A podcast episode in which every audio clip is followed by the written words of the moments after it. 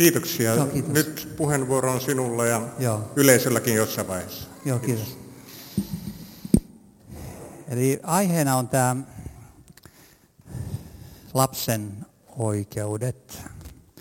Ja lapsen oikeudethan ovat ihmisoikeuksien perusta, koska me ollaan kaikki oltu lapsia ja me kaikki ollaan jonkun lapsia. Ja kun lapsen ihmisoikeuksia poljetaan, niin silloin koko ihmisoikeuksien järjestelmä tuhoutuu. Koska jos, kun, jos siis viedään oikeudet yhteiskunnan heikoimmalta jäseneltä, joka ei itse pysty puolustamaan itseään, niin silloin se, ja se oikeudettomuus, jos se kohdistetaan lapseen, niin silloin se syöpyy sieltä muuallekin, koska sen logiikka silloin vaatii sitä. Ja nyt tämä avioliittohan on läpi ihmiskunnan historian ollut sellainen instituutio, miehen ja naisen välinen avioliitto, sellainen instituutio, jossa lapsi luonnostaan syntyy biologisen isänsä ja äitinsä kotiin. Ja, ja avioliitto on luonnostaan suojellut tätä luonnollisten vanhempien oikeutta ikään kuin kasvattaa lapsensa ja lasten oikeutta tuntea vanhempansa kasvaa heidän hoidossaan. Ja nyt kun tämä sukupuolineutraali avioliittolaki, se asettaa samaa sukupuolta olevan parin suhteen samalle tasolle kuin miehen ja naisen avioliiton, niin silloin se rakenteellisesti lai, lainsäädännön tasolla vie lapsilta oikeuden isä ja äitiin, koska samaa sukupuolta olevan parin suhteen rakenne estää sen, että lapsella olisi siinä sekä isä että äiti. Silloin vaan korkeintaan joko isä tai äiti. Ja, ja silloin, kun tämä, tästä tehdään nyt ihanne avioliittolain tasolla, niin siitä sitten seuraa se, että että ihmisoikeusjärjestelmä, sen perusta alkaa murentua. Että lapsilla on kolme ihmisoikeutta, jotka koskee lapsen suhdetta alkuperäänsä, eli siihen, miten lapsi on saanut olemassaolonsa. Että lapsella on oikeus tuntea biologinen alkuperänsä, isänsä ja äitinsä, oikeus olla biologisten vanhempiensa kasvatettavana ja kasvaa oman biologisen sukunsa yhteydessä. Ja oikeus omata vanhempi molemmista sukupuolista, siis Siinä on se sukupuolten toisiaan täydentävyyden merkitys, siis isä ja äiti, mies ja nainen kontrolloi toisiaan. Jos mulla on kaksi miestä, niin ne vie toisiaan siis liikaa yhteen suuntaan. Kaksi naista vie johonkin toiseen suuntaan, mutta sitten siinä on mies ja nainen, jotka ajattelee kaikista asioista eri tavalla. Niin silloin se on lapselle turvallista, koska siis ne kontrolloi toisiaan. Ja, se lapsi tarvitsee ne molemmat, oman sukupuolta olevan identifioitumiskohteen ja vastakkaista sukupuolta olevan vastapuolin, jotta se voisi kehittää oman sukupuoli-identiteettinsä. Ja tämä biologinen suhde, sehän on ihan tärkeää jo alkaa lääketieteellisistä syistä, että jos sä menet lääkäri, sulla on joku sairaus, niin lääkärihän kyselee aina sun suvun sairaudet. Entä jos lapsi edes tiedä sen suvun sairauksista mitään? ja, ja saatika sitten niin lapsen identiteetin kannalta. Ja se, mikä tässä on niin kuin mielenkiintoista on siis, tai siis ikävää on se, että aikuisten seksuaaliseen identiteettiin vetoamalla lapselta halutaan viedä hänen perustava identiteettioikeutensa. Ja silloin kun lapselta viedään siis nämä oikeudet, niin hänestä tehdään orpo. Eli nyt ikään kuin lainsäädännön tasolla se lapsen orpous tulee ikään kuin ihanteeksi. Et tietysti lapsesta voi tulla orpo siis olosuhteiden takia, jolloin hän tarvitsee adoptiota, mutta lain tehtävänä on suojella näitä oikeuksia niin, että keneskään lapsesta ei tehdä suunnitellusti orpoa. Nyt pidetään ikään kuin lainsäädännön tasolla sanotaan, että on oikein tehdä lapsesta orpo. Ja, ja tämä on ehkä se kohta, missä se, tämä nykyinen sukupuolineutraali avioliittolaki on kaikkein vahvimmin ristiriidassa raamatun kanssa. Koska raamatussa on hyvin vahvana tämä orpojen puolustamisen. Et esimerkiksi Jesajassa kirjoitetaan, että voi niitä, jotka vääriä säädöksiä säätävät, jotka katalia päätöksiä tekevät estääkseen heikkoja saamasta oikeutta, ristääkseen kansani köyhiltä lain turvan, anastaakseen leskien varat, ryöstääkseen orpojen perintöosan. Eli siis heikoilta ja köyhiltä, jos viedään lain turva, niin se on katalaa ja se on väärää. Siis tämä on se logiikka tässä. Ja tämä lapsen identiteetissä on niin kuin eri tasoja. Siellä on tämä biologinen identiteetti suhteessa biologisen isä ja äiti. Siellä on sosiaalinen ja kulttuurinen identiteetti suhteessa isä sukuun. Ja sitten sukupuolinen identiteetti, joka kehittyy suhteessa molempiin sukupuoliin. Ja, ja nämä kaikki identiteetit on, on perustavanlaatuisia sen lapsen kehityksen kannalta. Ja tämmöinen, kun Narelli Gretsch, joka itse siis on saanut alkuunsa tämmöisen ulkopuolisen luovuttajan avulla käytetty niin kuin hedelmöityshoidon avulla, niin hän sanoo, että tämä alkuperäoikeuksien loukkaaminen tuottaa vakavia identiteettiongelmia. Ja hän kysyy, että miten kukaan voi ottaa toiselta vapauden tuntea itsensä. Tämä on ollut elämäni eräs kaikkein eniten ihmisyyttä loukkaavista kokemuksista.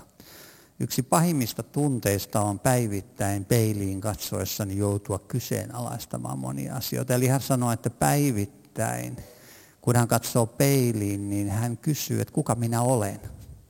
Mistä mä oon tullut, jos hän ei tiedä, hän ei tunne isänsä. Että hänen tapauksessaan kävi kyllä niin, että, että kun hänen tapauksensa tuli julkiseksi, niin hän löysi isänsä. Mutta useimmat näistä hän ei löydä isänsä. Ja Heather Barwick, joka on vastaavanlainen tapaus, eli hänetkin on tuotettu siis suunnitelmallisesti elämään ilman isää, niin hän sanoi, että isäni poissaolo loi minuun valtavan aukon ja joka päivä minuun koski isän ikävästä. Rakastin äitini kumppania, mutta toinen äiti ei voinut korvata isäni menetystä. Eli hän, hän sanoi, että joka päivä minun koski isän ikävästä. Ja tämä on se, ongelma on nyt sitten se, mikä on niin ongelma näiden lasten kannalta sukupuolineutraalissa avioliittolaissa. Se ongelma on se, että kun laki sanoo, että se on yhtä hyvä, että sulla on kaksi äitiä tai sulla on kaksi isää, niin jos sun silti joka päivä sinun koskee isän ikävästä, niin kun sulla objektiivisesti on kaikki täysin hyvin, niin silloin sulla on jotain vikaa sinussa. Siis ei sun olosuhteessa, ei siinä, että sulta puuttuu isä, vaan se isän kaipuu, se on vääristymä. Laki sanoo, että tämä on täydellinen. Sun tilanteessa on täysin hyvä. Sulla on kaksi rakastavaa äitiä. Se riittää. Ja se, se on mitä nämä ihmiset sanoo, että se tekee heille niin kuin tämän, tämä laki ikään kuin vaientaa heidät. Ja, ja nyt jos ajattelet, että sulla on joka päivä ikävä isää, ja sä et koskaan saa puhua siitä, niin miten se pahenee? Siis tämä, on se lain ongelma. Ja psalmeissa siis korostetaan ihan toisenlaista suhtautumista näihin tunteisiin. Että, että sinä näet kaiken, tuska ja murhe ei jää sinulta huomaamatta. Sinä ojennat kätesi, sinulle köyhä ja orpo uskovat asiansa. Sinä annat avun. Sinä hankit oikeuden orvolle ja sorretulle. Eli siis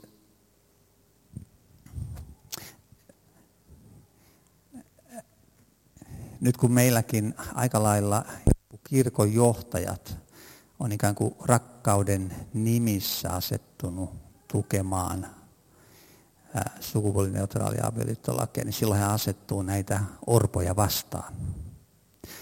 Että siis jotenkin tämä lasten ääni, koska nehän on sellaisia, jotka ei pysty puolustamaan itseään, niin se unohtuu, koska nämä aikuiset, niillä on valtaa ja rahaa, ja itse asiassa elitit tukee niitä, niin helppo mennä niiden mukaan. Katie Foster, joka on myös kasvanut samanlaisessa tilanteessa, hän sanoi, että jos aikuinen tyydyttää kaipuunsa hankkimalla lapsia, jotka syntymästään erotetaan joko biologisesti isästään tai äidistään, niin hän siirtää kaipuun tuskan lapselle, joka on koko lapsuutensa ja ehkä koko elämänsä ajan tuomittu ikävöimään puuttuvaa isää tai äitiä.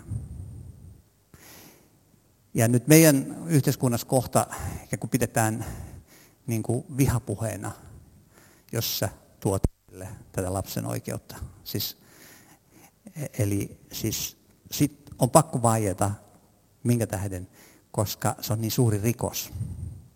Ja jokainen tajuu, että se on suuri rikos, joten ei voi, voi olla sallittu, että kukaan sanoo sitä ääneen. Koska jos sen voi sanoa ääneen, niin sen perustelu romahtaa sen mielekkyys romahtaa. Mutta sanokaa vaan, jos olette eri mieltä. Niin, tota, niin, niin. Ja nyt sitten usein sanotaan, mäkin joskus väittelin Kalevassa tästä, niin mulle, mä vastaan kirjoitti tämmöinen pariskunta siis, se on kaksi, perheessä on kaksi äitiä, ja he sanoivat, että koska heidän lapsensa on syntymästään saakka ei ole tietänyt mistään muusta, niin niillä ei ole mitään ongelmia. Mutta tutkimusten mukaan niillä on ongelmia. Yale-yliopiston psykiatri Cale Proet kertoo siis viisivuotiaasta tyttärestä, joka siis on tuotettu tällä tavalla hedelmöityshoidolla tilanteessa, jossa sillä ei ole isää. Niin hän kysyi isästä, että äiti, mitä olet tehnyt isälleni? Suutuitko häneen ja ajoitko hänet pois? Eikö hän pitänyt minusta? Mistä voin löytää hänet. Voinko kirjoittaa hänelle kirjeen, onko hän koskaan nähnyt minua.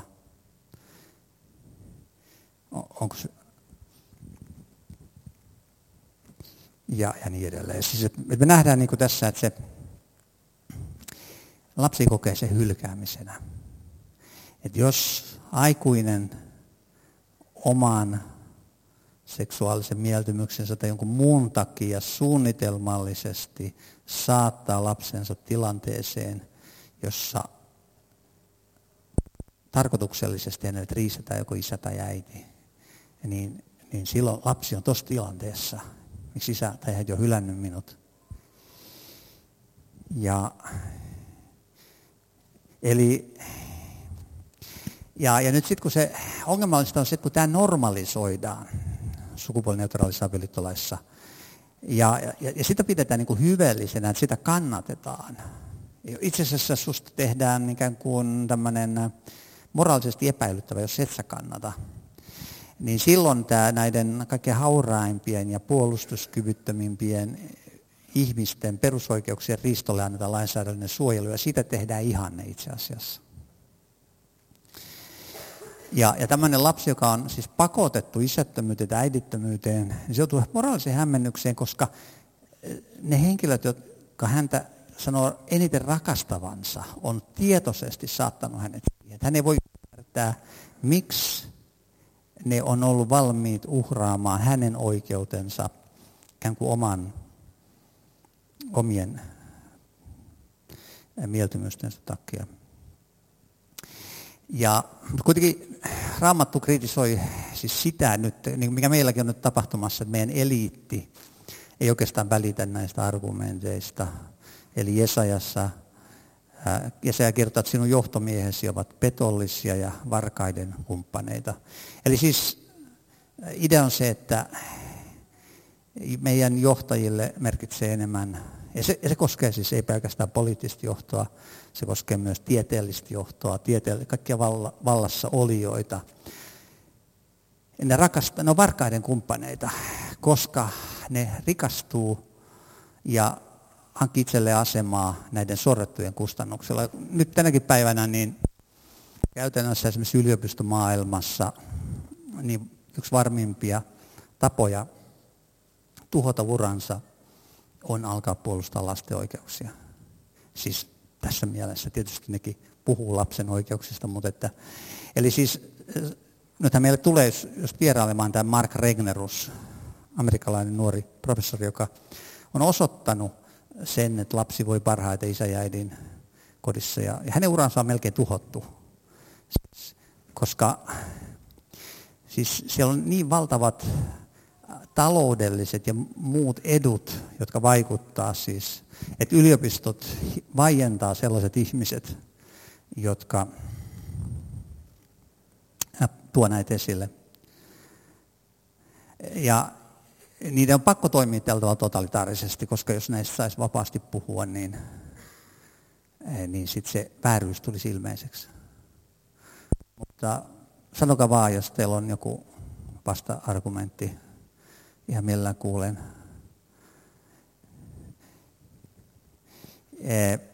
Ja Jesaja jatkaa, että heidän pahoilla puheillaan ei ole määrää, eivät he aja orvon etua, eivät tahdo hänen voittavan asiaansa, eivät puolusta köyhän oikeutta, enkö minä rankaisisi tällaisista teoista, enkö kostaisi tällaiselle kansalle. Siis se heikoimman, sen orvon, lapsen, köyhän oikeuksien puolustaminen, se on koko yhteiskunnan perusta.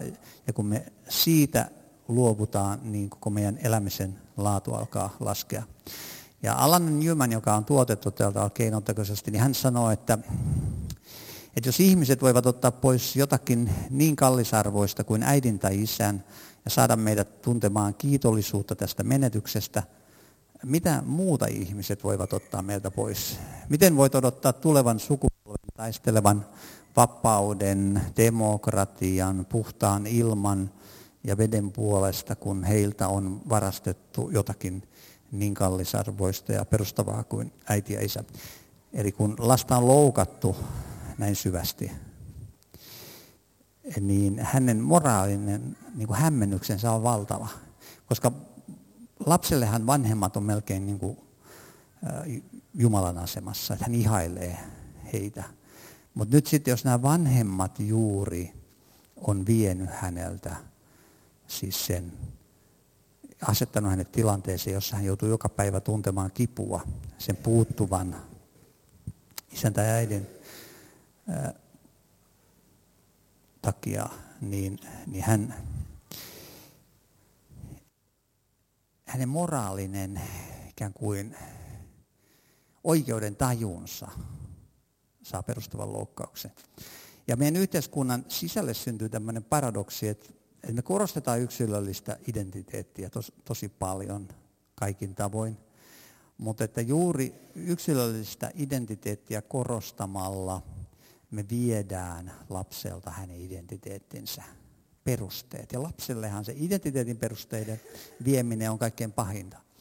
Eh, mä juttelin tuossa, mulle tämä konkretisoituu, kun mä juttelin yhden nuoren miehen kanssa, joka on, joka on joskus, joka on siis kasvanut täysin ilman tietoa omasta niin kuin biologisesta isästään ja äidistään. Ja vaikka hänellä on ollut hyvät adoptiovanhemmat, niin hän sanoi, että hän joutui koko ajan etsimään, kuka mä oon.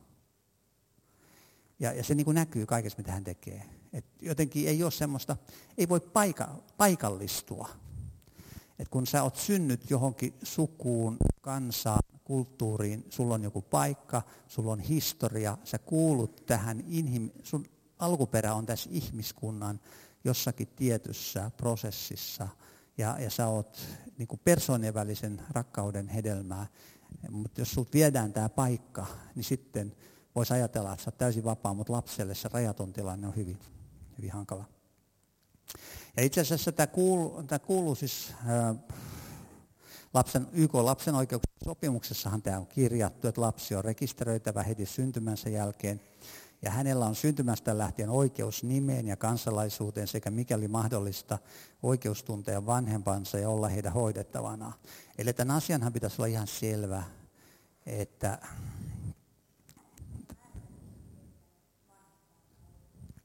Joo, hyvä, hyvä kommentti, että onko määritelty, ketkä vanhemmat on, koska tästä juuri kiistellään sitten, että esimerkiksi nämä suomalaiset lastensuojelujärjestöt antamaan yhteisen tiedotteen mukaan lapsen oikeuksien sopimus ei sisällä määrittelyä siitä, mitä vanhemmalta tai perheeltä tarkoitetaan. Ja, ja ne siihen vedoten, ne sanoo, että eihän tämä sano sitä. Mutta heidän vastaväitteensä ongelma siis on siinä, että, että vaikka lapsen oikeuksien sopimus ei sisällä varsinaista määritelmää siitä, mitä vanhemmalla tarkoitetaan, niin kahdesta asiasta me tiedetään, mitä se tarkoitetaan. Et meillä on olemassa lapsen oikeuksien sopimuksen, e, lapsen oikeuksien sopimusta edeltävien keskustelujen nämä kirjoitetut muistiinpanot. Ja sitten meillä on olemassa se konteksti. Ja näistä kahdesta asiasta, me, niiden perusteella me tiedetään, että siinä puhutaan isästä ja äidistä. Mutta tämä on tällainen, niin kuin, minkä ne on keksinyt. Ja, ja jopa vielä ennen kuin tämä tuli niin kuin vahvasti, tämä sukupuolineutraali avioliittolaki, niin Unicefin käsikirja silloin vielä myönsi, että kun ajatellaan lapsen oikeutta tuntea vanhempansa, on kohtuullista olettaa, että vanhemmilla tarkoitetaan geneettisiä vanhempia.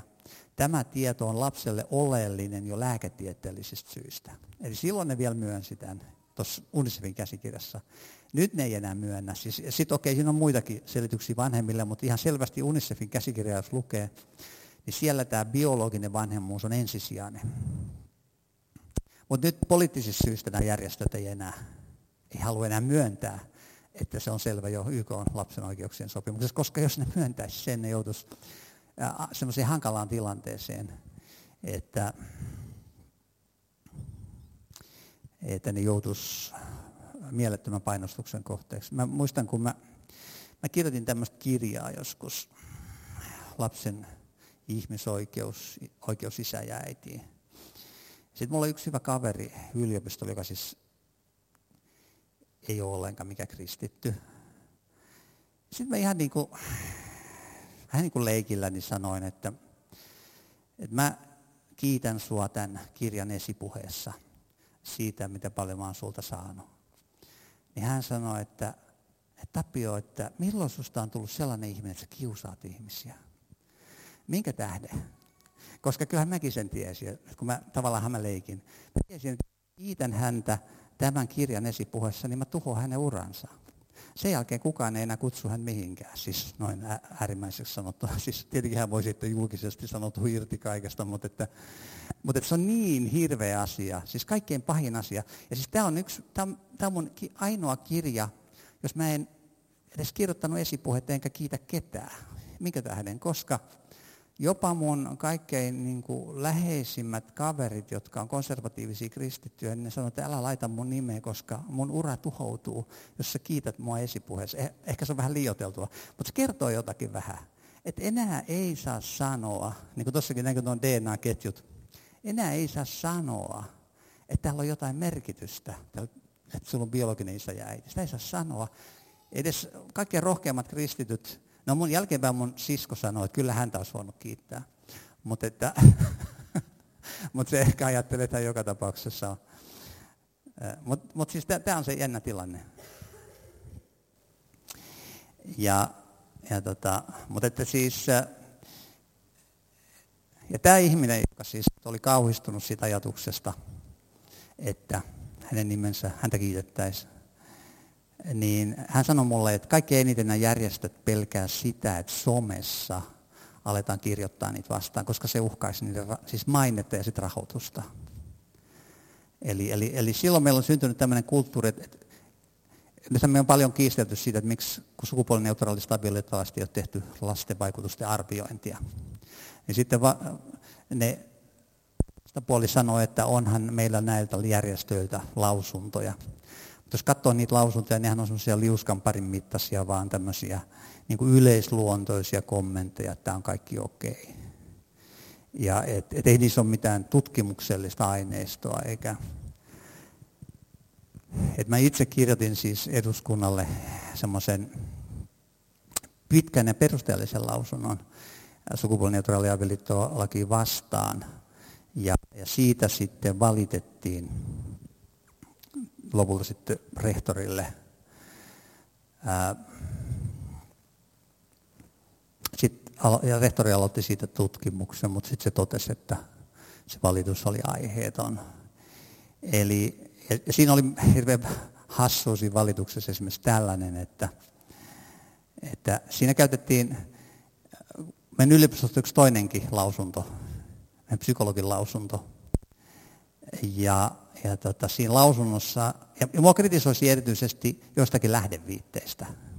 No yksikään niistä lähdeviitteistä ei ollut siis väärä loppujen lopuksi, mutta, että, mutta siinä toisessa lausunnossa ei ole yhtään lähdeviitettä. Niin sitten itse asiassa yksi ihminen, joka oli siinä prosessissa, siinä arviointiprosessissa, niin hän sanoi, että tämä on pikkusen niin kuin hassua. Että käytetään nyt lähtökohtana sellaista dokumenttia, jossa ei ole yhtään lähdeviitettä. Siis ei mit, yhtään lausetta ole dokumentoitu.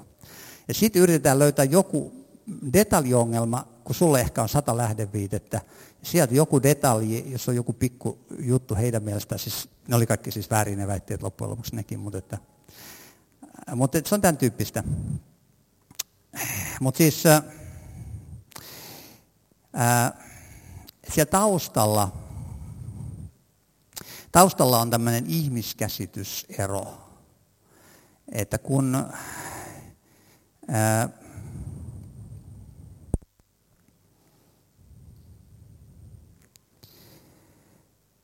Tämän peru, perinteinen avioliittokäsitys perustuu siihen, että ihminen on kolmiyhteisen Jumalan kuva. Tai siis tietysti se on ollut kaikissa kulttuureissa, mutta tämä kristillinen perusta, jos ajattelee, niin se perustuu siihen, että tämä ihminen on kolmiyhteisen Jumalan kuva ja siinä se sukupuolien välinen erilaisuus korostaa sitä, se oikeutta erilaistua rakkaudessa.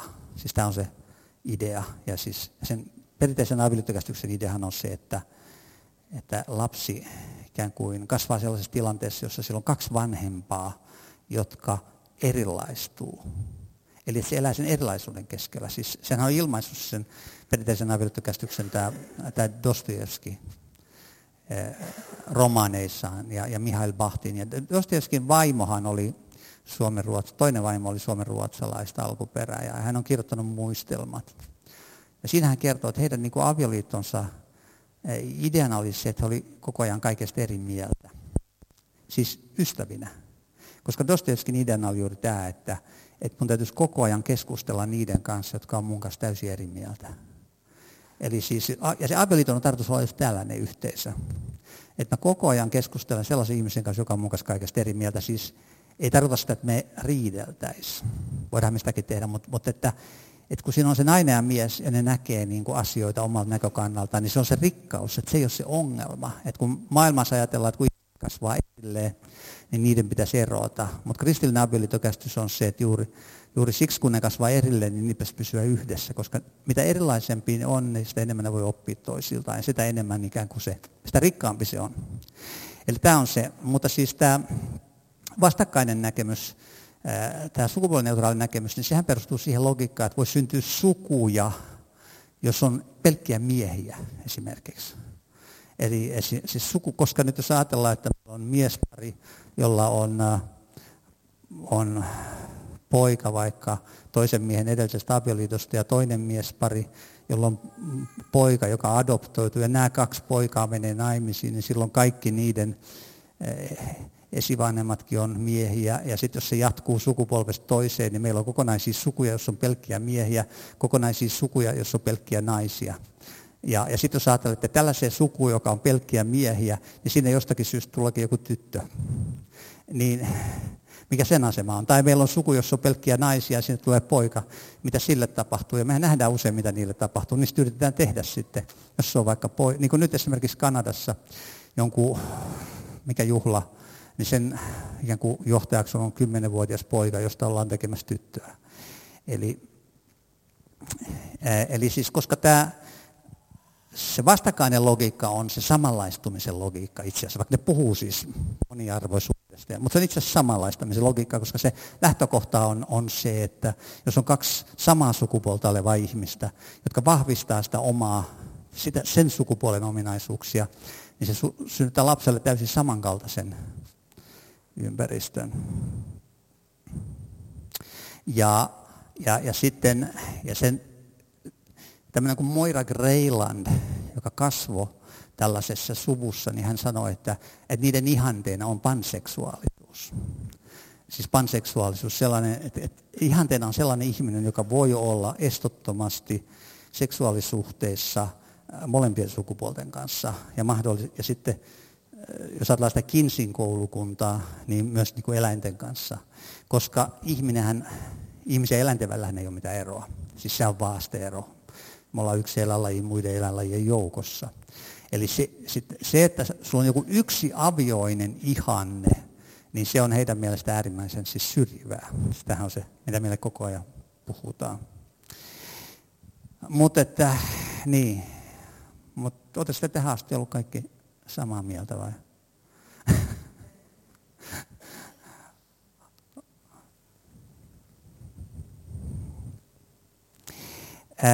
no niin, mutta tänhän mä oon sanonut jo, vaikka tässä nyt hypin vähän se. Mutta nyt mulla on tässä oikein vähän dramaattinen dia, ehkä mä tästä voin vähän puhua. mulla on oma tulkinta tuosta ilmestyskirjan, kun puhutaan siitä, että ihmisellä on se pedon kuva tai sen nimen luku. Niin mä itse ymmärrän sen, niin kuin petohan tarkoittaa valtiovaltaa. Niin, niin nythän siis tämä, mikä tämä on yksi osa tämän ää, tavallisen avioliiton ja perheen merkityshän on siinä, että se est, silloin lapsi saa niin kuin vanhempiensa identiteetin. Mutta sitten kun sä rikot sen avioliiton ja perheen, niin silloin lapsi altistuu ikään kuin valtion muokkaukselle niin vahvasti, että se saa sen valtion määrittelemän identiteetin. Eli mä ymmärrän, että se on se pedonkuva. Siis sen sijaan, että sulla olisi niin se Jumalan kuva, Jumalan kuva on sitä, että sun yksilöllisyys pääsee esiin. Siis sellaisessa ympäristössä, jossa niin kuin se erilaisuus hallitsee. Koska siis sun, sä tarvit, voidaanko löytää itsessä, tarvit tietyllä tavalla kosketuksen sun alkuperään, sun vanhempies kautta, niin heidän sukujensa kautta, sen kansakunnan historian kautta. Mutta sitten sä tarvit sen erilaisuuden, jotta sä ikään kuin sun ainutlaatuisuudessa saa tilaa. Mutta sitten kun tämä hajotetaan, ja, ja siis lapsen ympäriltä. Ja sitten viedään nämä perusidentiteetit, sukupuoli-identiteetti, seksuaali-identiteetti, niin silloin se muokkautuu ikään kuin, siis se on altis ulkopropagandalle ja muokkaukselle ja sit se samanlaistuu. Tämä on se logiikka.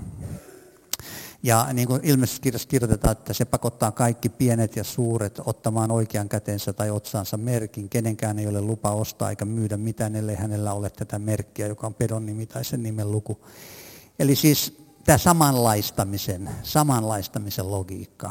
Et jos, jos ei, et meillähän toistetaan yhä enemmän siis sitä. Ja monet, esimerkiksi mä muistan yksi mun kaveri, joka on opettaja, ja silloin kun tuosta sukupuolineutraalista avioliittolaista ää, kiisteltiin, Mä yritin silloin loputtomasti saada Hesarin yleisosastolle läpi juttuja, mä millään saanut. Mutta sitten tämä kaveri, niin se otti tästä kirjasta muutaman kappaleen melkein sellaisena. Ja lähetti sen omissa nimissään, niin se sai sen läpi Hesarissa. Mutta hän sanoi, että sitten opettaja se koulussa, niin kun alettiin kyseenalaista, että voit sä enää olla opettaja, koska tota noin, niin, oot, äh, sulla on näin syrjivä kanta, että sä ajattelet, että lapsella pitäisi olla isä ja äiti. E, eli nyt hän on aika lailla vaiennut, koska tietysti aika vaikea siinä tilanteessa sitten, siis se on järjetön, mutta se ei ole siis, kenelläkään ei ole lupa ostaa eikä myydä mitään, ellei hänellä ole tätä merkkiä. Siis, jolle ajattele samalla tavalla. Et niin kauan kuin meillä oli perinteinen avioliittokäsitys, oli täys vapaus kritisoida sitä. Mutta kun se kumotaan, niin sitten ei ole enää varaa antaa kritisoida sitä vastakkaista kantaa, koska sen seuraukset on niin kielteisiä. Mutta sanokaa, tästä on varmaan jollain ihan eri tulkinta. Ja, ja tota, niin ole hyvä, tässä.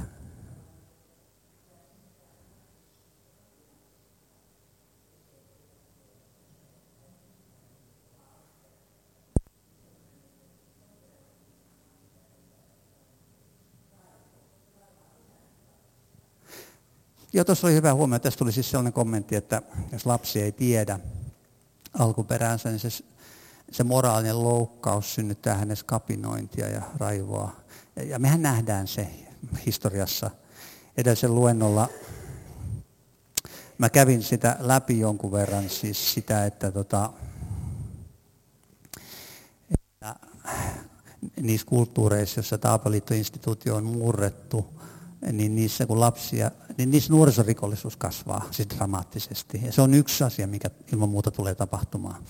Ja kun nuorisorikollisuus kasvaa, se on okei, okay, lasten mielenterveysongelmat kasvaa, niin kuin nyt me jo nähdään se Englannissa ää, esimerkiksi, niin esimerkiksi nämä identi- sukupuoli-identiteettiin liittyvät ongelmat kasvaa.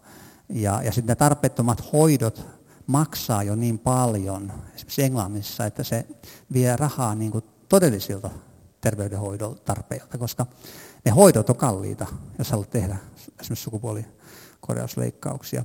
Ja usein sanotaan, että eihän sillä ole mitään väliä, että jos samaa sukupuolta olevat ihmiset saa mennä naimisiin, että eihän se muuta sitä muita avioliittoja, mutta silloin unohdetaan se, että avioliitolla on tämmöinen opetusvaikutus. Opetusvaikutus, että jos, ja se viestii myös niin kuin heteropareille, että lapsi ei tarvitse isää ja äitiä. Ja silloin kun tulee paineita esimerkiksi avioliitossa, niin silloin lapset helposti sitten, tai ne puolisot helposti sitten hylkää. On helpompi ottaa ero ja jättää lapsensa, koska sulla on opetettu, se laki opettaa sulle, että lapsi ei välttämättä tarvitse sua, sut voidaan korvata. Ja, ja kuitenkin me tiedetään, että tutkimus, tutkimus sanoo, että, että lapsen paras koti on biologisen isänsä ja äidin seheessä avioliitossa. Ja, ja näillä, sellaisissa kodeissa kasvaneilla nuorilla aikuisilla on vähiten ongelmia seuraavilla alueilla, siis terveys, kuolleisuus ja itsemurhariski, huumeiden ja alkoholin käyttö, rikollisuus ja pidätykset, köyhyys, koulutus ja työelämään osallistuminen, varhainen seksuaalinen aktiivisuus ja avioerion määrä. Siis näillä, nämä on ihan niin kuin, näissä on hurjan laajoja, massiivisia tutkimuksia, jotka osoittaa, että kaikilla näillä alueilla lapset voi parhaiten.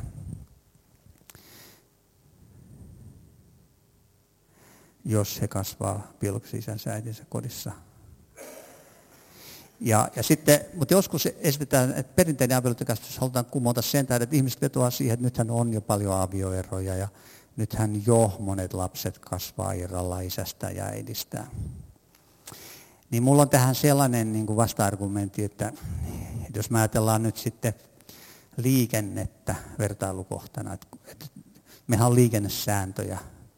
Ja nyt meillä on kuitenkin monia ihmisiä, jotka rikkoo liikennesääntöjä, esimerkiksi ajaa ylinopeutta niin menisikö sitten samalla logiikalla? Ja, ja nyt voisi ajatella näin, että kun meillä on tämmöinen laki, että pitää ajaa ää, liikennesääntöjen mukaan, niin silloin ne ihmiset, joilla on esimerkiksi taipumus ylinopeuteen, niin se loukkaa heidän identiteettiä. Että se on syrjivää, siis koska se ei ole tasa-arvoista heitä kohtaa ja heidän lapsiaan kohtaan, koska he, lapsetkin joutuu sitten samaan, että he, mun isä sai ylinopeussakon esimerkiksi niin, niin se on kauheita. Niin luotaisikin tasa-arvoinen tieliikennelaki. Ja täh, No se maksaisi muuten hirveästi, mutta niin maksaa muuten tämäkin laki, tämäkin lain muutos maksaa todella hirveästi. Ja sitä on tutkittu siis, miten paljon maksaa yksi syrjäytynyt lapsi. Eli siis, mutta ei poliitikot välitä siitä. Minkä tähden poliitikot ei välitä siitä?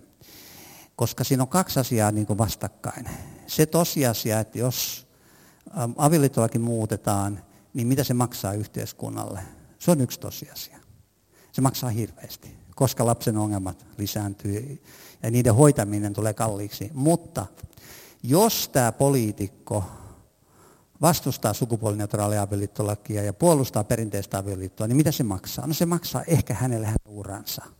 Ja se merkkaa hänelle tietysti enemmän. Niin silloin hän kannattaa sitä toista ratkaisua, mikä niin kuin maksaa yhteiskunnalle paljon, mutta se tekee hänestä rikkaan siis hetkellisesti ainakin. Eli tämä tasa-arvoinen liikennelaki sitten, nämä on siis ja, eli nämä lait opettaa jotakin ja ne muokkaa käyttäytymistä ja se käyttäytyminen vaikuttaa ihmisten hyvinvointiin ja sitten se käyttäytyminen, mitä esimerkiksi sukupuolineutraali avioliittolaki opettaa, niin se, se maksaa yhteiskunnalle hirveästi. Ja siis tämä rahallinen kustannus on vielä niin kuin triviaali. Jos ajattelet, mitä se maksaa sille yksilölle, sille lapselle, sen identiteetille, sen moraalitajulle, sen elämälle, sen kärsimyksen määrä, minkä se aiheuttaa se on triviaalia, mitä se maksaa meille niin kuin rahallisesti, vaikka sekin on niin kuin merkittävä. Ja sen tähden niin kuin, ei meillä ei ole yhtään korkeakulttuuria, joka olisi pysynyt pystyssä muuta kuin tämmöisen perinteisen avioliiton varassa, jonka mukaan siis avioliittoa solmiessa ihminen jo sitoutuu hoitamaan niitä lapsia, jotka syntyy siitä avioliitosta. Ja, ja, ja tämän mukaan siis, jolloin se vanhemmat ja lapset niin kuin perinteisessä käsityksessä ymmärretään erottamattomassa yksiköksi. Se on se perusidea. Siis ensinnäkin tietysti puolisot ymmärretään erottamattomassa yksiköksi, mutta myöskin vanhemmat ja lapset.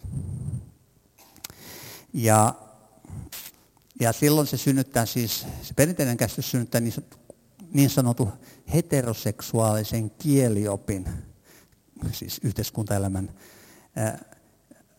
ytimeen, joka siis on, joka on tietyllä tavalla ikään kuin semmoista niin kuin rakkauden kielioppia, koska heteroseksuaalinen suhde, rakkaussuhde synnyttää lapsia. Lapsi on rakkauden hedelmä. Ja se on ikään kuin moraalin perusta se rakkaus. Mutta sitten kun se korvataan sillä, että kun mulla on vaikka kaksi ihmistä, ää, tai korvataan sillä, että lapsia voidaan tuottaa palvelemaan vanhempien tarpeita siten, että lapsi suunnitelmallisesti erotetaan tästä jommankumman vanhemman rakkaudesta, niin sitten me ollaan ihan eri kieliopissa. Et silloin se voit, silloin lapsi esineellistyy. Ja me nähdään, että se tapahtuu ää, niissä maissa, joissa näitä lapsia tuotetaan tällä tavalla. Niin kuin äärimuodoissa siis ää, esimerkiksi Intia, no Intiassa ei nykyään, se on kielletty, mutta missä niitä nykyään voidaan tuottaa. Mutta Intiassa silloin, kun se oli sallittua, niin yksi journalisti meni tutkimaan siis näitä lasten tuottamista, koska sehän tapahtuu sillä tavalla, että esimerkiksi joku rikas amerikkalainen pari vaikka tilaa lapsen tämmöisestä instituutiosta, jossa on näitä köyhiä intialaisia naisia, joiden kohtuu istutetaan se alkio. Ja, mutta usein, jos, jos vaikka tilataan kaksi lasta, niin kohtuun saatetaan istuttaa kolme alkiota, koska ehkä ne ei kaikki lähde hedelmöittymään. Mutta jos ne lähteekin hedelmöittymään kaikki ja syntyykin kolmoset, mutta vain kaksi on myyty, niin mitä tehdään kolmannelle? No, no se myydään vapailla markkinoilla. Eli tämä journalisti kertoo, että siellä hän tapasi yhden näistä tyypeistä tota, jossain baarissa, niin se toi hänelle yhden vauvan, että haluatko ostaa tämän. Eli siis ymmärrättekö, mitä näiden lasten kohtalo siis on, että, että se synnyttää tämmöisen, että se lapsi, lapsia tuotetaan palvelemaan aikuisten tarpeita ja sitten nämä lasten oikeudet, niin nehän, niistä tulee ihan vaan mikä tämmöisen lapsen oikeus on? Sehän riippuu kuka sen ostaa, millä hinnalla se myydään ja tietysti hinta laskee. Sitähän äh, voidaan sitten, kyllähän siitä, sillä voidaan tehdä rahaa sillä lapsella. Siis, ja näitä lapsiahan käytetään. Ja näitä tällaisia kauppatavarana olevia lapsia käytetään. Mutta se koko kielioppi muuttuu siis, kun me muutetaan tämä peruslogiikka, että lapsi on rakkauden hedelmä. Ja hänellä on oikeus vanhempiensa ikään kuin hoitoon ja rakkauteen. Ja vanhemmilla on velvollisuus huolehtia näistä. Mutta kun sä rikot tämän siteen, niin sitten tota, ää, ja okei. Okay. Eli tässä on nyt näitä tämmöisiä oikeudellisia ongelmia, mitä syntyy. Mä vähän hypin näitä. Että esimerkiksi sitten syntyy just tällaisia ongelmia, että, että jos joku tämmöinen sijais, tai mikä se tämä nyt on, tämä, onko tämä nyt sijaisäiti vai mikä se sana on, no ehtikin unohda, mutta että, jonka kohdussa se lapsi on kasvanut, niin kuin tässä tapauksessa tämä nainen, jolla, joka synnytti tyttären miesparille, niin se ei lopulta halunnutkaan luovuttaa sitä tytärtään, koska siis syntyhän se lapsi, äidille tunnesuhde siihen lapseen. Niin, niin tässäkin tapauksessa se pakotettiin luovuttamaan, siis oikeus pakotti sen luovuttamaan. Silloin kun se tyttö oli puolentoista vuoden ikäinen, tai 15 kuukauden ikäinen ja, ja kun se tyttö itse asiassa ei tuntenut muuta kuin äitinsä, niin se yhtäkkiä meneekin kahdelle hänelle tuntemattoman miehen kotiin. Ja se erotetaan äidistään ja äiti ei enää saa tavata sitä muuta kuin valvojien läsnä ollessa. Eli siis laki johtaa tämmöisen, että lapsen oikeudet niin kuin täysin sivuutetaan. Siis tietenkin se on sille lapselle hirvittävä traumatisoiva kokemus. Jokainen tajuaa sen. Se varmasti olisi ollut traumatisoiva kokemus näille miehille luopua siitä lapsesta hyväksyä se, on äitinsä kanssa. Eli me ollaan luotu tämmöinen oikeudeton systeemi. Ja me ihan turha kuvitella, että se pysähtyy tähän. Että se oikeudettomuus kohdistuu vain näihin lapsiin. Tietenkin se laajenee. Aina nämä logiikat laajenee. Eli niin kuin Raamattu kritisoi tätä, orpo riistetään äitinsä rinnoilta, köyhältä otetaan lapsi velan pantiksi. Mutta meille se on nykyään ihanne. Se on, ur, se on rohkeaa ja hyvellistä ja, ja ihanteellista toimia näin. Ja oikeudenmukaista, koska oikeus päättää, että se lapsi riistetään äidiltään. Et, et, tämä sukupuolineutraali avioliittolaki, niin se, sen logiikka johtaa siis tähän kansainväliseen lapsikauppaan, koska jos samaa sukupuolta olevilla pareilla on oikeus avioliittoon, heillä on myös oikeus lapsiin ja heillä, yksi, niin kuin heidän ainoa tapansa saada lapsia on tällä tavalla siis tuottaa se niin kuin, jotenkin tämmöistä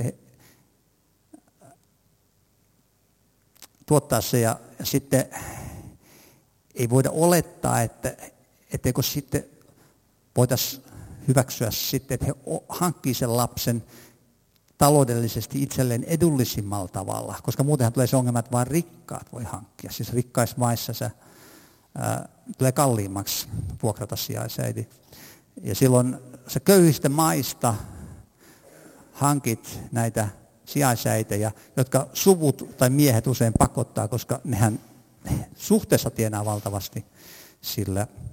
Eli, eli syntyy tämmöinen kansainvälinen lapsikauppa, jossa siis sekä naisten että lasten oikeuksia poljetaan, mutta että tästä kaikesta ja ei niin kuin, tämä on kaikki nyt edistystä ja tämä on tasa-arvoa siis.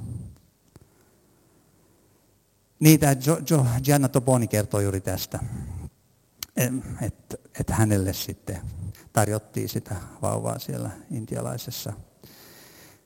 Eli käytännössä niin kuin äidille maksetaan siitä, että se lapsensa. Mutta kuitenkin lapsille tietenkin herää, niin kuin se osoitti se Kyle Proetin tutkimus osoitti, että sille lapselle herää joskus kysymys, että miksi äiti hylkäsi minut. Ja, ja silloin se vastaus on se, että se äiti myi minut. Eli, eli mitä se tekee sen lapsen identiteetille. En mä tiedä, kerrotaanko sitä sillä, mutta siis se on se totuus. Sen se joskus saa ehkä selville. Eli, miten se, miten, eli tässä niin kuin, nämä kaikki tosiasiat ikään kuin, että se yksi ehkä ihmiskunnan suurimmista rikoksista, mikä tehdään nyt, niin kuin tavallisesti rikokset tehdään jonkun kauniin aatteen nimissä – niin se, se on peitetty tällaiseen retoriikkaan.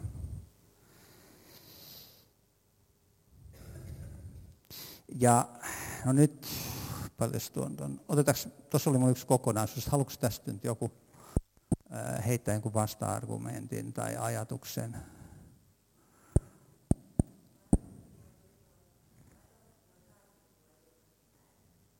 No adoptiossahan se logiikka on siis päinvastainen. Kun tässä Kohdunvuokraussysteemissä logiikka on se, että aikuinen tarvitsee lapsen ja se lapsi tuotetaan sitä aikuista varten. Mutta adoptiossahan se logiikka on se, että se lapsi on menettänyt isän tai äidin. Niin sille etsitään korvaavat vanhemmat. Ja silloinhan se on, tietenkin, täytetään se lapsen tarve. Se on lapsikeskeinen, siis adoptio. Eli, eli, eli tietenkin se, sehän tulee vaan siis, kun maailmahan on ikään kuin traaginen että eihän tämä mene kaikki hyvin siis. Että, mutta lähinnä on kyse siitä, että, että se on jo orpo ja sille annetaan kotia. Ei niin, että sitten tehdään orpo, jotta jotkut aikuiset saa itselleen perhe, jossa on lapsia. Että se on se ero. Mitä muuta? Hyviä kommentteja. Joo, ole hyvä.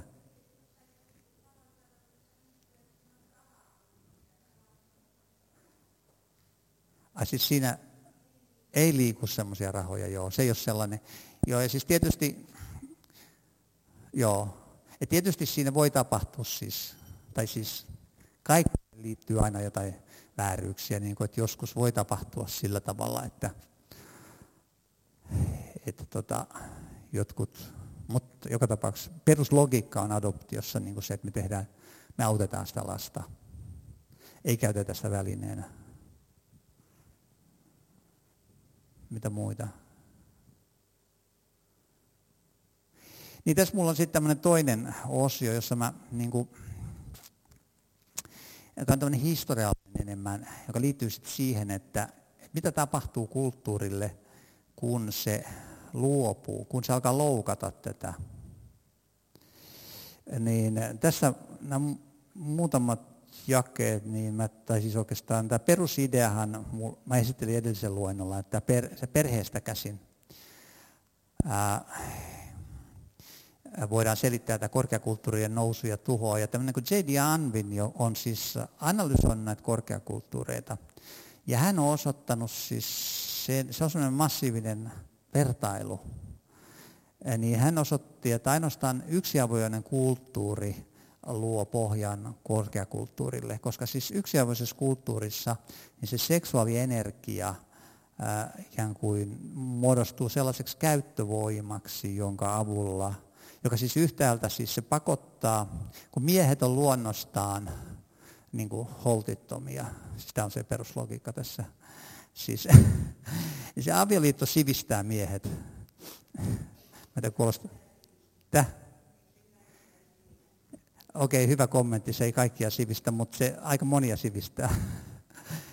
Kaikki se ei tosiaan sivistä, mutta, mutta se logiikka on siis se, että se periaatteessa kun yksi ongelma, siis kun luonnostaan ajatellaan niin kuin seksuaalisuutta, niin äh, naisen suhde seksuaalisuuteen on täysin erilainen kuin miehen suhde, koska naiselle seksuaalisuhteen seurauksena alkaa lapsi kehittyä hänen sisässään, hänen kohdussaan, niin silloin se naisen suhde lapseen on välitön. Miehen suhde lapseen on niin kuin ulkoapäin tuleva suhde.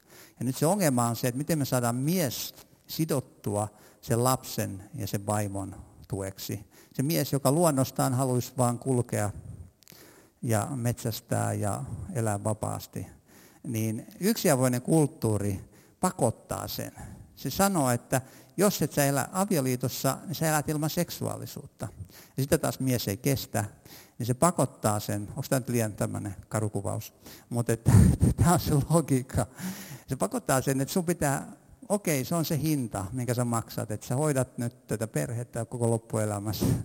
Se on se hinta siitä, että sä saat elää seksuaalilla. Täh? Joo, kato, miehet ei tee mitään, jolle niitä pakotetaan. Tämä on se logiikka tässä. Noin niin kuin suurten kulttuurien tasolla se on näin siis.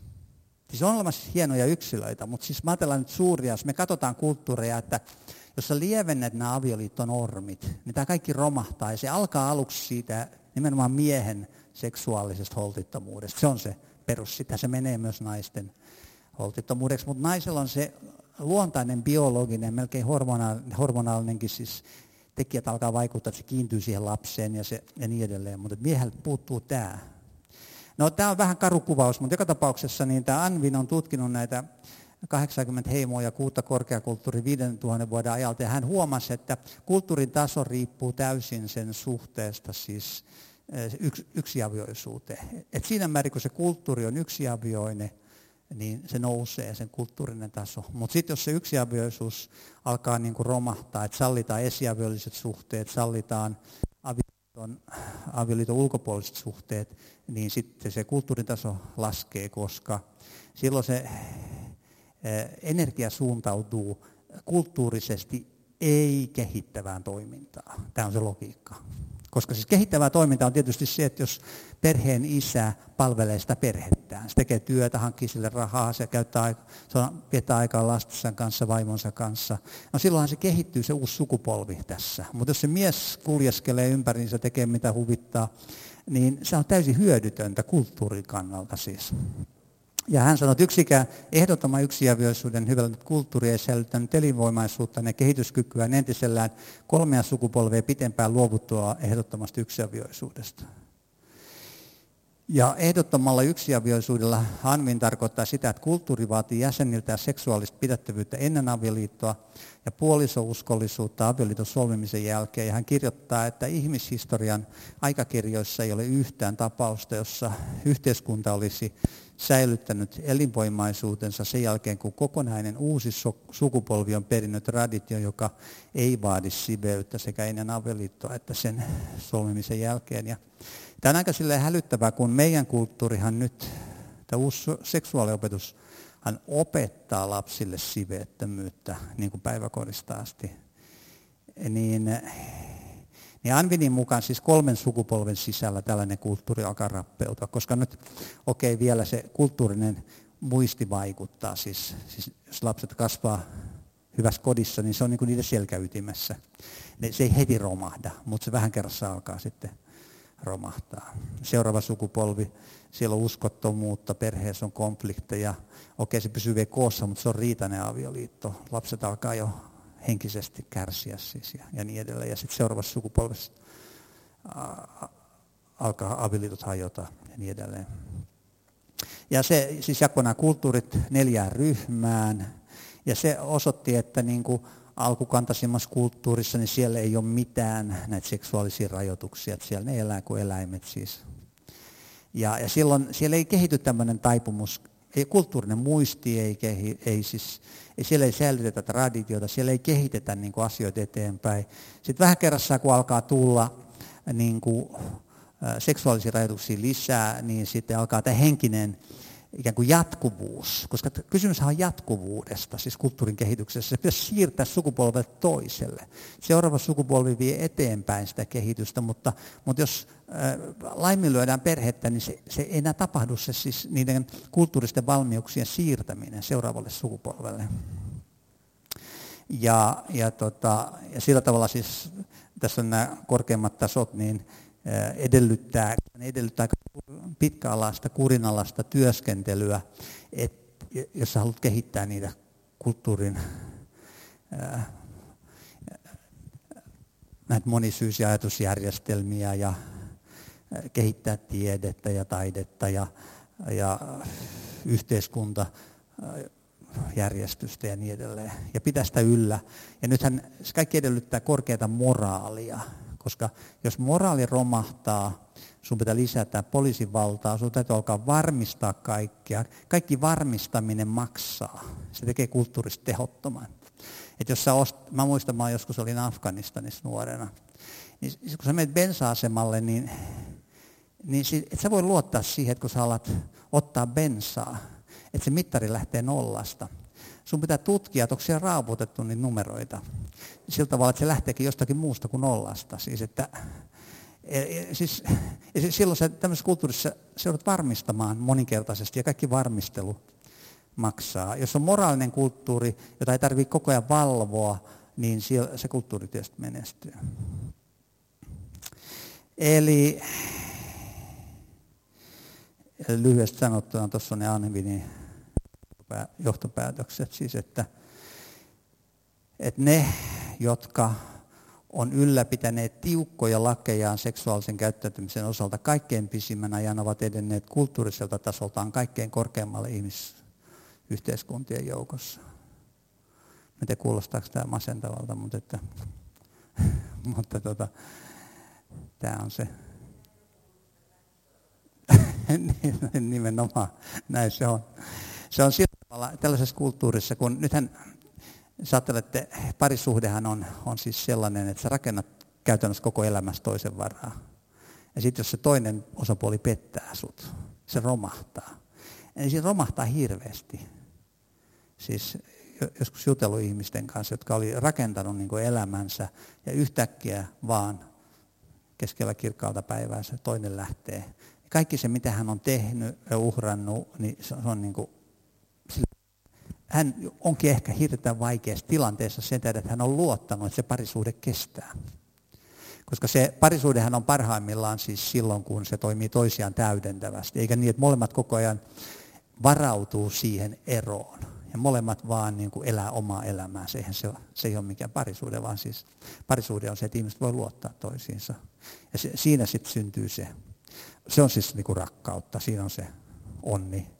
Ei se ole siinä, että siinä on kaksi yksilöä, jotka koko ajan laskelmoi, että mitäs jos tuo nyt tuosta lähtee, niin mitä mä sitten tein. Ja jos mä, kantaisiko mun nyt lähteä ennen kuin se lähtee, ja onko se nyt lähdössä. Ja, ja, ja tota, Siis ymmärrättekö, jos on tämmöinen maailma, että tuo näyttää vähän, että se olisi ehkä nyt lähössä ja mulla olisi tässä tarjolla yksi uusi kumppani, niin katsotaan, kun mun nyt lähtee ensiksi ja sitten kuinka paljon tämä tienaa kuinka paljon tuo tienaa ja minkälaista mun elämä olisi tämän kanssa. No täällä on tämmöisiä ulkomaisia, kun mä voisin matkustella tämän kanssa. Siis ei tästä, ei, se ei vaan niin kuin mene siis. Tämä vaatii tota, ää, vaatii tota, niin tässä on nyt se, tässä on nyt se mies juttu, mitä mä karrikoin. Mutta siinä keskellä tuo ekonomisti Joseph Schumpeterin mukaan markkinatalousyhteiskuntien menestys perustuu paljolti siihen, että yrittäjät haluavat ansaita perheelleen hyvän toimeentulon. Terveen sivilisaation perusta on itsensä uhraava aviomies, joka ei käytä ansaitsemansa tuloa oman itsekeskeisen nautintonsa tavoittelemiseen, vaan tekee työtä ja säästää ensisijaisesti vaimoa ja lapsia varten. Näinhän se on tietysti.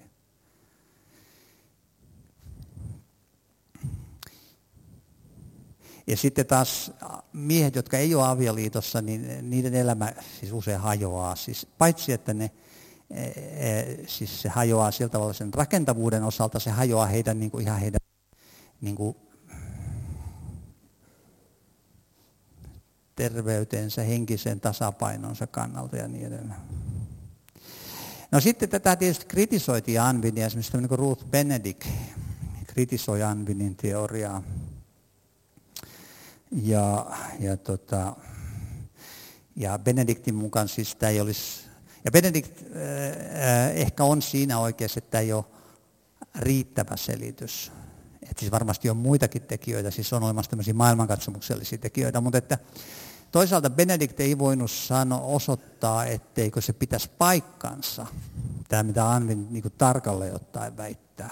Että se on siis korkeakulttuurin välttämätön edellytys.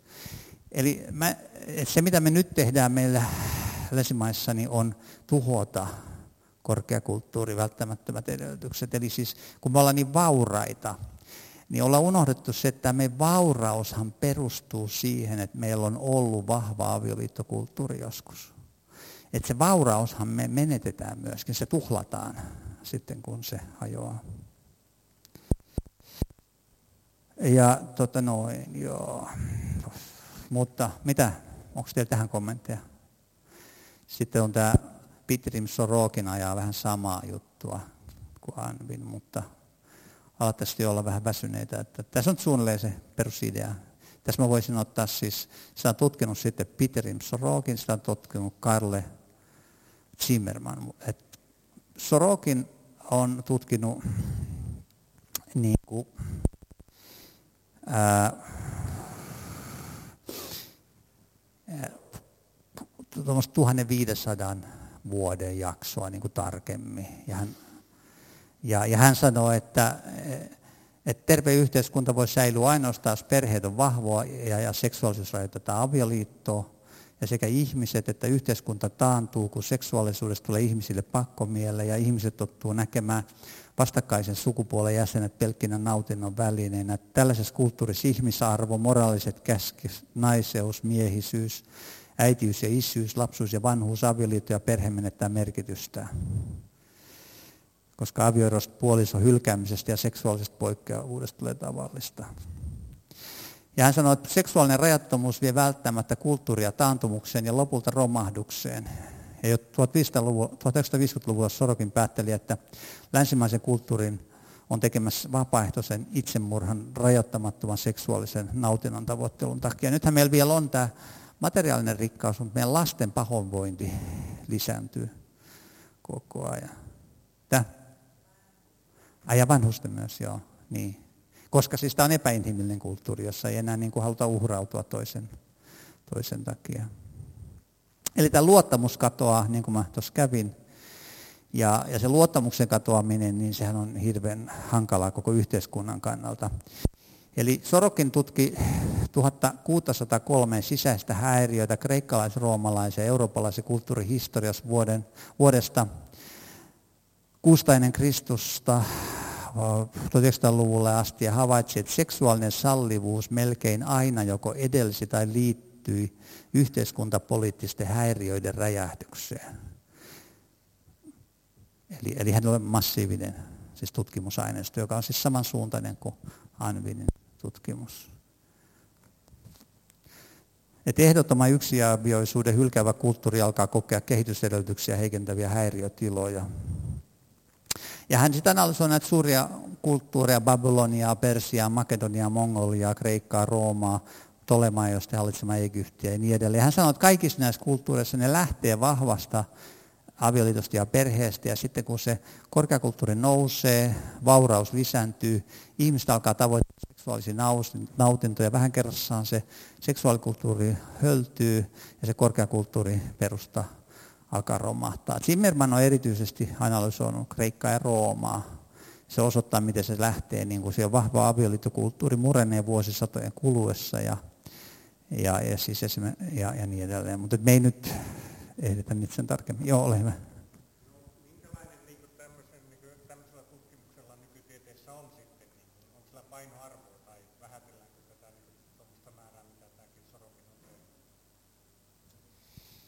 No, nykyään tämä nykyinen, jos luet nykyisiä perhehistorian tutkimuksia, niin ne on sen tyyppisiä yleensä, siis ne valtatutkimukset, että niissä niin kuin lähtökohtaisesti logiikka on sellainen, että pyritään osoittamaan, että kaikkina aikoina on ollut niin kuin erilaisia avioliittokäsityksiä. Ja sitten koska on ollut kaikenlaisia erilaisia avioliittokäsityksiä, niin meilläkin voi olla. Eli me ei tarvitse pitäytyä mihinkään yhteen.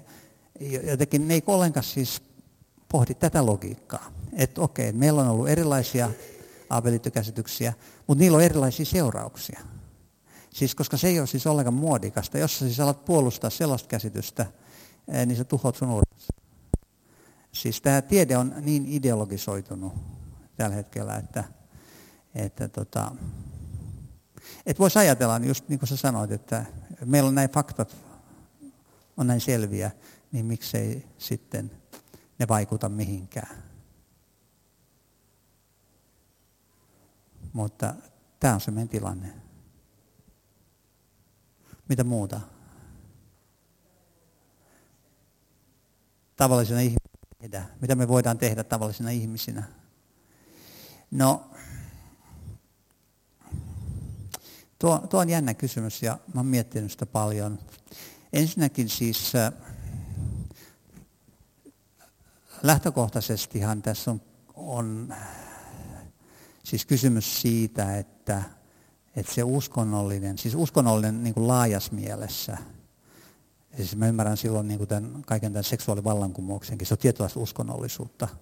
Niin kuin mä käsittelin edellisen luennolla, siis, että seksuaalivallankumous perustuu siis tämmöiseen gnostilaiseen libertinismiin, joka, joka lähtee Babylonian uskonnosta jo, jossa siis ideana on siis se, että se seksuaalinen vapaus on Jumalan palvelemista tai sitten jumaluuden palvelemista tai ikään kuin sitten nykyajattelussa ikään kuin sen ihmisyyden palvelemista, kun ihmisyys ymmärretään korkeimmaksi tekijäksi, niin, niin tämä uskonnollinen voima, mikä on tässä, niin tässä itse asiassa niin kuin ratkaisee tällä hetkellä tämän, nämä asiat. Ja nämä tosiasiat on triviaaleja.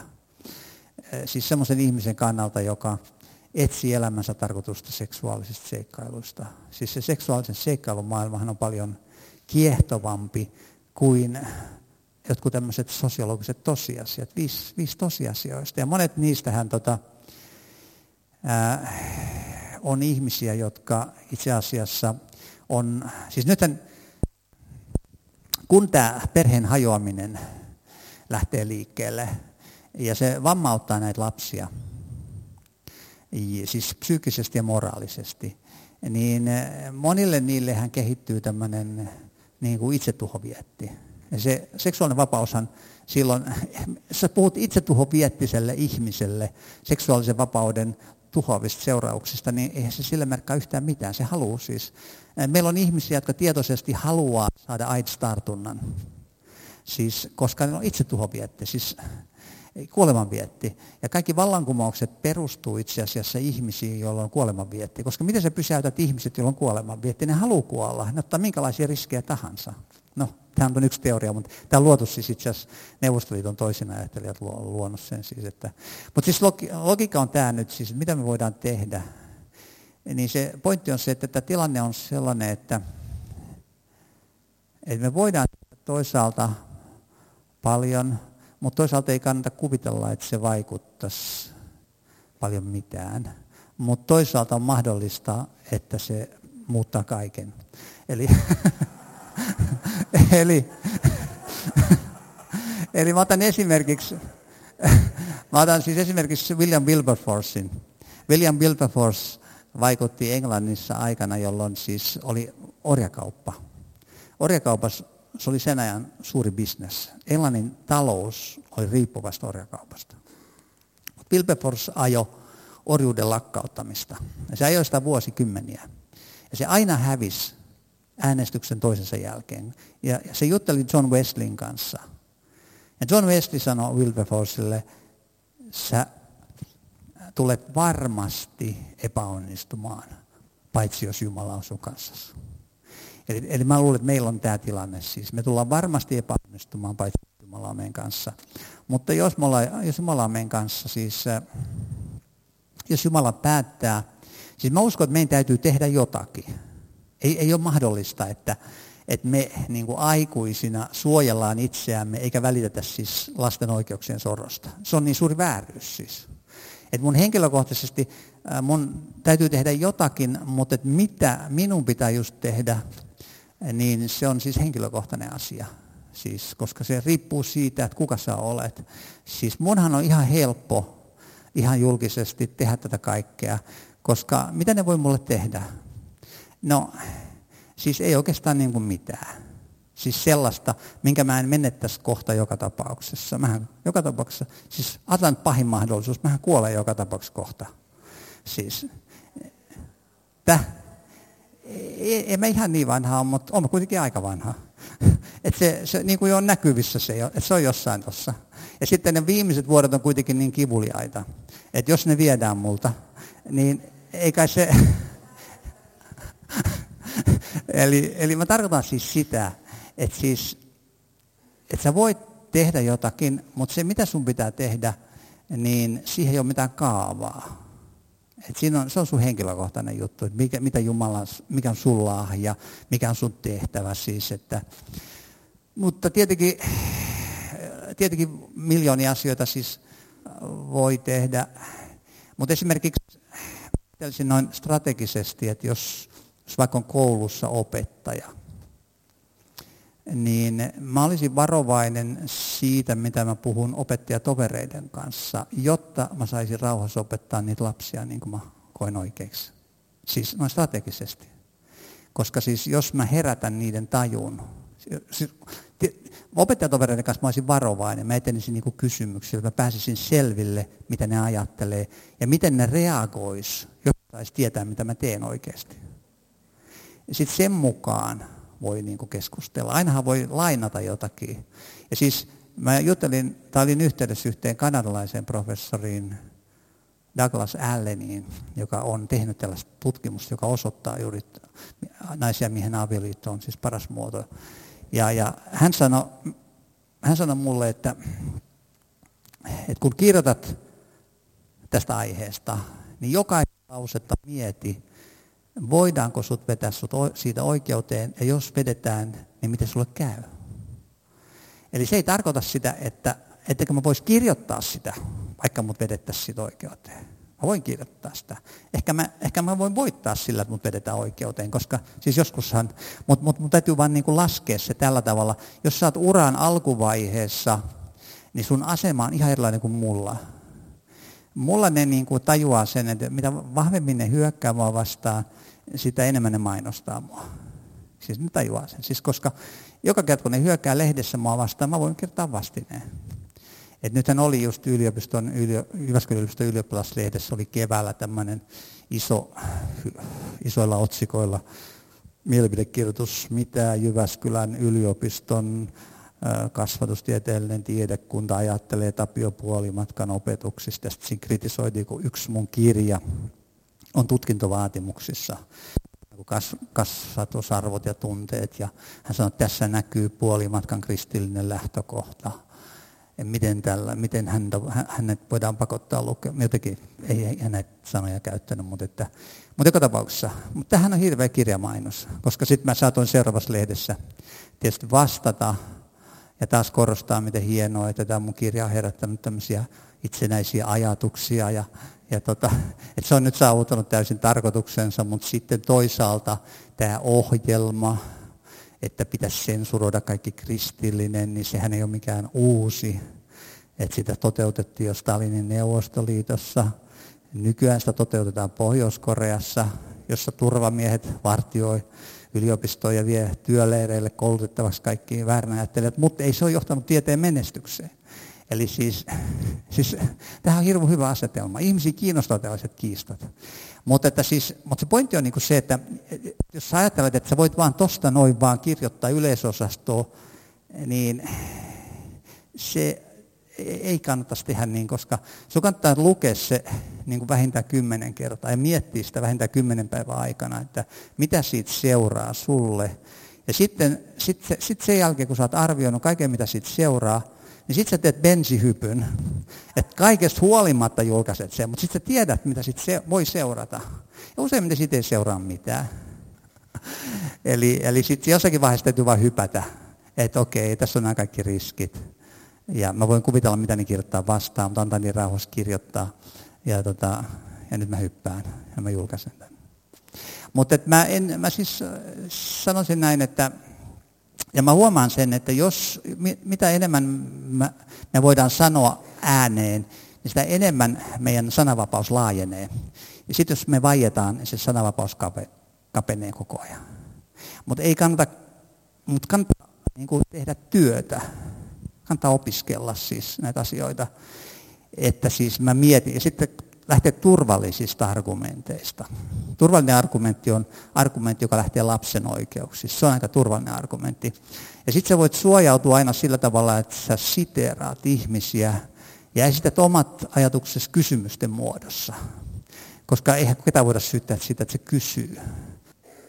Se, se rukoilee joka päivä. Mä en viitti edes mennä eduskuntaan, kun ne kutsuu. Koska mä tiedä, mitä sitten seuraa. Ja sitten mä ajattelin, että no, pakkohan, tai mä menen nyt sitten kuitenkin. Mä sitten soitin, että mä tuunkin ja annoin sen lausunnon. Ja sen takia mä oon nyt vieläkin siinä. Siis että sit sen jälkeen siitä lausunnosta on tehty valituksia yliopistolle ja rehtori on käynnistänyt tutkimuksia ja mä oon joutunut kirjoittamaan 30 sivuisia pituisia vastineita. Esimerkiksi kerran mulle tuli kaksi jouluaattoa rehtorit ilmoitus, että on nyt alkanut tämä tutkimus, tässä on se ää, tota, syytös, sun pitää vastata niin, että annat sen vastineen tammikuun kuudes. Eli mun joululoma menee siihen. Eli, eli sit sun täytyy vaan elää tässä maailmassa. Siinä on oma, oma niin kuin viehätyksessä kuitenkin. Varsinkin sitten, jos selviää. Mutta vaikka ei selviäiskään. Mutta tässä lopussa mä voisin vielä mainita, että jos haluatte, tässä tässä lapsen ihmisoikeus, tässä kirjassa mä käsittelen niin kuin laajemmin sitä, näitä, tätä logiikkaa, miten me voidaan puolustaa tätä perinteistä avioliittokäsitystä lähtien lapsen ihmisoikeuksista, sitten yhteiskuntakoen lapsilla. Tämä on ehkä enemmän sitä, mitä mä tänään puhuin, näitä asioita. Ja monet näistä lainauksista on tässä kirjasta. Ja sitten on tämä viisauden ja tiedonhaltijat Kristuksessa, joka on tämmöinen yleinen analyysi siitä, miten evankeliumi vaikuttaa kulttuuriin, siis miten se on muuttanut kulttuuria, tuottanut siis hyvää hedelmää siis sekä tieteen alueella, tieteellisessä vallankumouksessa että moraalin alueella. Ja tämä kirja, niin tähän on normaalissa 38, mutta kun Hannu Lutadivarin pitäjä osti tämän koko loppupainoksen, toisen painoksen lopun, niin hän myy sitä 15.